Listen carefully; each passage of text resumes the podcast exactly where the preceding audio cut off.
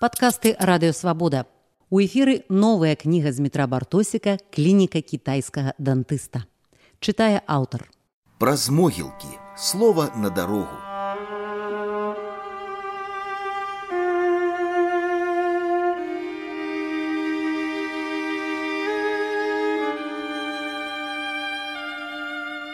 Узімку 1998 году мы з паэтам славамірам Адамовічам апынуліся ў вёсцы траскоўшчыне, дакладней у санаторыі пад Менскам, дзе праходзіў нейкі журналісцкі семінар.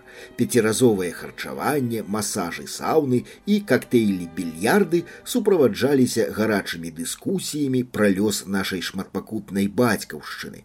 У вёску я не выходзіў, Тым часам славамір апранаў свой шыкоўны набыты ў варшаве строй і рыхтык оперная зорка выпраўляўся ў паход, як ён казаў па жывыя сюжэты. Аднойчы ён прапанаваў мне скласці яму кампанію, ды не абы куды, а на вясковыя могілкі. Ну ўжо там якія табе жывыя сюжэты заўпарціўся я. Хачу знайсці беларускія магілы, У адказе была інтрыга.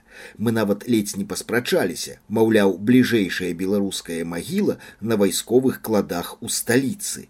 Але упэўніцца ва ўласнай рацыі на свае вочы я адмовіць сабе не мог і пайшоў разам з ім. Хоць, шчыра кажучы, як жа мне хацелася памыліцца. Я цалкам быў на ягоным баку і не менш за яго хацеў на самых звычайных беларускіх могілках убачыць беларускамоўную магілу не народнага паэта не сябра саюзу мастакоў а надмагілле з якога можна было б зразумець што пад ім спачывае усяго толькі беларус.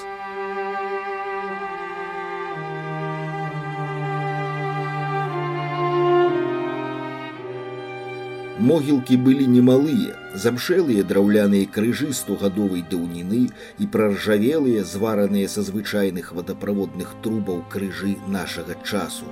Уразіла мноства дзіцячых магіл. Каля адной я нават расхваляваўся. Хлопчык володя прыйшоў на свет у адзін месяц і год са мною. Дата смерти 1971 якраз той год, да якога сягае моя ўласная памяць з выцвілага медальёну глядзеў занадта сур'ёзны для трохгадовага чалавека твар. Адчуванне радасці жыцця ад тых лічбаў і таго погляду у мяне не паболела. Трапляліся і багатыя магілы з гранітнымі помнікамі ды агароджамі з нержавейкі, але ўсе пахаванні аб'ядноўвала ці ўраўноўвала, расейская мова, часам настолькі пачварна зарыфмаваная ў эпітафіях, што мяне брала крыўда за нябожчыка.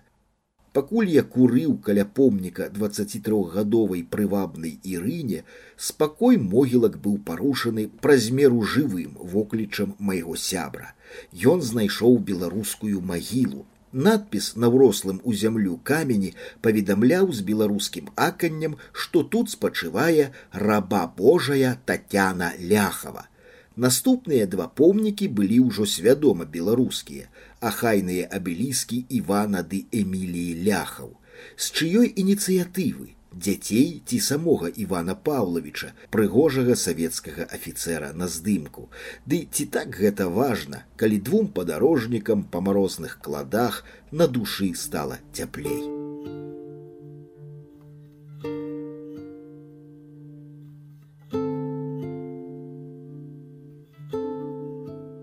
Калі мы задаволеныя збіраліся сыходзіць, нам трапілася яшчэ адна беларуская магіла – грунтоўная агароджа і ладны драўляны крыж пафарбаваны сінюю фарбаю, на якім ножом былі няроўна надрапаныя словы.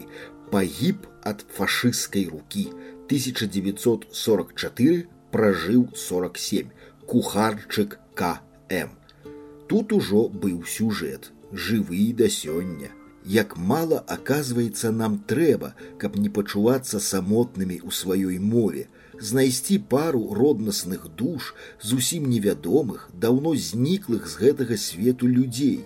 Шчыра кажучы я не магу уявіць сабе вечнага жыцця чалавечай душы. І ці ёсць мовы там куды знікаюць душы? Але драма і моц гэтыя краіны ў тым, што нават душы памерлых, якія былі ёй адданыя, не знікаюць з яе назаўжды і надпісамі на сваіх магілах ратуюць яе самабытнае аблічча. Ці не тады на вясковых могілках узнікла ў мяне ідэя наведаць забытыя адрасы тых, каго даўно няма сярод жывых, але чые думкі, эмоцыі, творы сфармавалі нас, цэлыя пакаленні наступнікаў, без чаго наш лёс быў бы іншым. Прынамсі адзін радок, знаёмай з дзяцінства песні, увесь час круціўся ў маёй галаве. Наши мертвые нас не оставят в беде. Наши мертвые нас не оставят в беде. Наши павшие, как часовые, Отражается небо в лесу, как в воде, И деревья стоят голубые. Отражается небо в лесу, как в воде, И деревья стоят голубые. Я меў акурат тры гады, калі ўпершыню пачуў высоцкага. Калі ж запрацавала памяць, першае, што вывучыў песню коні прывередлівыя. Магнітафона ў нас не было, таму я здавольваўся кружэлкамі з дазволенымі песнямі. Недазволеныя даляталі да мяне толькі з адчыненых вокнаў на вуліцы. Куды б я не спяшаўся, уставаў як укапаны і слухаў. Разумеў мала, але голас і напятая да немагчымага манера выканання ўражвалі. Магнітафон у хаце завёўся толькі пасля сыходу артыста. Ягоная смерць у маёй свядомасці быццам адцягнулася ў часе і прасторы, дзякуючы майму няведанню бальшыні напісанага ім. Недзе была Масква і ваганькава з ягонай магілай, але пакуль у мяне ў запасе заставаліся непраслуханыя стужкі і непачутыя песні, мёртвая ваганькава лёгка адцянялася жывым голасам. Толькі калі скончыліся стужкі, што я пазбіраў ад усіх сяброў ды знаёмых, ягоны канчатковы сыход стаў для мяне рэальнасцю. Ад раптоўнасці зразуметага я памятаю тады плакаў.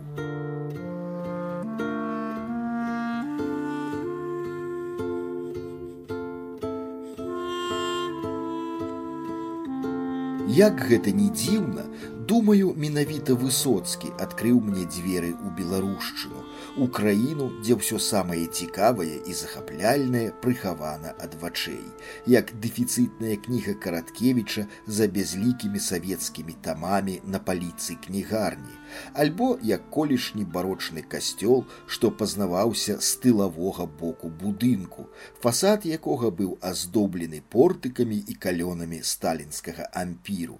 Ці наадварот, самае цікавае было на самым бачным месцы і таму заўважалася не адразу, як старыя высокія дрэвы, што раслі ў раёне зруйнаванай нямігі, пазначаючы сваімі кронамі зніклыя вулкі і двары найстарэйшых менскіх кварталаў.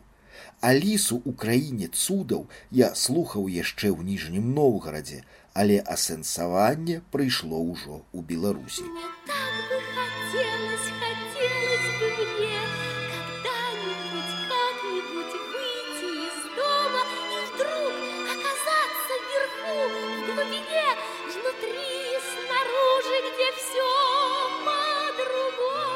Яшчэ ў 1979, будучы з тэатрам у Менску на гастролях, высоцкі назваў Беларусь краінай, што было ў тыя часы незвычайна, а таму рызыкоўна. Усе казалі рэспубліка, А тут я вельмі добра ведаю гэтую краіну, я шмат чым звязаны з Беларусю, з Менскам. У яго тут былі свае памятныя мясціны, Наваградчына, адкуль карані ягонай французскай жонкі, Менскі раён Усход, дзе жыў ягоны сябра Віктор Тураў, дом афіцэраў, дзе гастраляваў ягоны тэатр. Аднак беларускіх вобразаў у ягонай спадчыне не так і шмат. Згадваецца в халада в халада. В холода, в холода. От насиженных мест Нас другие зовут города. Будь то Минск, будь то Брест В холода, Таксама згадваюцца беларускія словы ў ягоных вершах, напрыклад, вяртайся ў дарожным дзённіку. Там жа ён апісаў курган славы. Два огромных штыка полоснули морозом по коже, остриями по мирному кверху, а не накренясь. І ці не дзякуючы ягонаму ўдзелу нашы кінакрытыкі назвалі фільм Віктора Турова я родам з дзяцінства найлепшым творам за ўсю гісторыю беларускага кіно.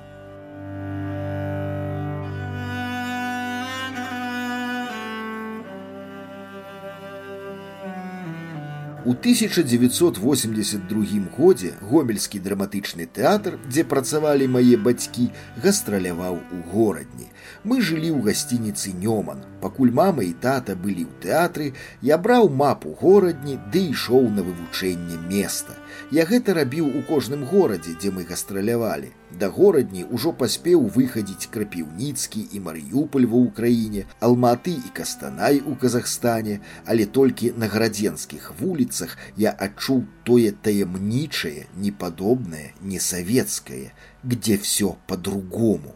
За той ліпень, што мы былі ў горадні, у мяне з'явіліся тут свае улюбёныя мясціны, замак, кляштар брыгітак, езуіцкі касцёл Памятаю як адзін актор тэатральны парторг зайшоў у той касцёл паглядзець на убранства. Ён пасля расказваў. Ну зайшоў прыстроіўся да нейкай групы людзей. Думаю турысты. Стаю гляджу на скульптуры разам з гэтымі турыстамі. А яны раз і ўсе на калені. А я адзін вытыркаюся як дурань. І доўга ты так узвышаўся. Ды не бачком бачком і хутчэй да выхаду. Пад агульны рогат сканчаў парторг Фільм я родам з дзяцінства я ўбачыў ужо дарослым, калі мог захапіцца экраннымі цудамі Александра княжанскага, аператара, чыёй вяршыняй стаў сталкер Андрэя Таркоўскага. Калі ўжо мог ацаніць майстэрства Яўгена Глебава, які аранжаваў мелодыі высоцкага. І калі ўжо адчуваў дыскамфорт ад літаратурнай расейскай мовы кінагерояў на фоне горадзінскай сінагогі ды руінаў ружанскага палаца.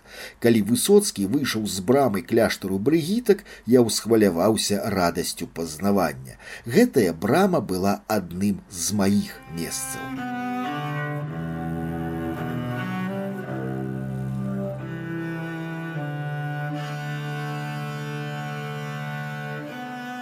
Тады у 82 у нашай гасцініцы жыла здымачная група кінакарціны чужая бацькаўшчына самай беларускай стужкі з усіх знятых на Беларусь фільме.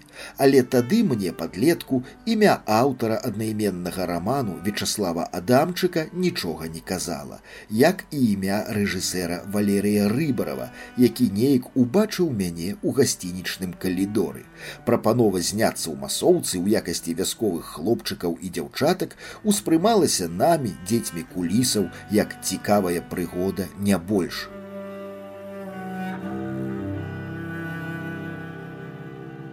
У той вёсцы, куды прывезлі нашу вясёлую кампанію, са мною адбылося нешта магічнае, не тое, каб здзіўленне маленькага месціча вясковым бытам. Захапленне было такое, нібы ад падарожжа ў часе нас апранулі ў сапраўднае саматканае адзенне, нашы гарадскія фрызуры падкарэктавалі велізарнымі нажніцамі, але найбольшы эфект выпадання з сучаснасці са мною рабілі пахі, незнаёмыя, таму найвастрэй успрынятыя, пахі сена, на якім мы дурэлі, пакуль дарослыя важдаліся са сваімі кінакамерамі, пахі старых хатаў, пахі зямлі. Самым яркім уражаннем таго дня, самым таямнічым і загадкавым быў драўляны касцёл. Ён стаяў насупраць аднапавярховай школы, пачарнелы ад часу, высокі, дзверы былі на замку. Мы падцягнуліся да вакенца, якое было над дзвярыма. За мутным шклом я ўбачыў жывую дэкарацыю да гогалеўскага вія. Аздоба касцёлу была некранутая. На абразах і скульптурах ляжаў таўшчэзны пласт пылу, па кутах звісала векавое павучэнне, а галоўная таямніца пасярод касцёлу стаяў катафалк з драўлянай разьбянай дамавінай. У той дзень я трапіў у іншую краіну Канчаткова разбуралі звыклую савецкую рэальнасць гукі жывой беларускай мовы, якая тут панавала паўсюль. Беларусь на імгненне показала свой сапраўдны твар, і ён быў чароўны. У той вёсцы памочніца рэжысэра зірнула на мяне і ўзмахнула руками. Ды гэта ж чысты міця корсак. Я нічога не зразумеў, але мяне тут жа павялі да рыбарова. Так я затрымаўся ў гэтай карціне назаўжды. Праз гады, пераглядаючы чужую бацькаўшчыну, я спрабаваў узгадаць, што ж гэта была за вёска. Але ніхто не мог даць адказу. Рэжысэр Валерый рыбараў не памятаў, аператор Фелікс кучар памёр апантаны ідэяй знайсці тое месца, дзе зрабіў першы крок па жывой беларусі, я кружляў над горадзіншчынай пры дапамозе праграмы вікімапія і праз гадзіну палёту знайшоў такі касцёл насупраць школы. Патэлефанаваў у тую школу і была я настаўніца мне пацвердзіла што сапраўды калісьці ў іх здымалася чужая бацькаўшчына. Вёска называется прывалкі Вы слухали эпізод з новай кнігі з метра бартосіка клініка кітайскага дантыста у выкананні аўтара.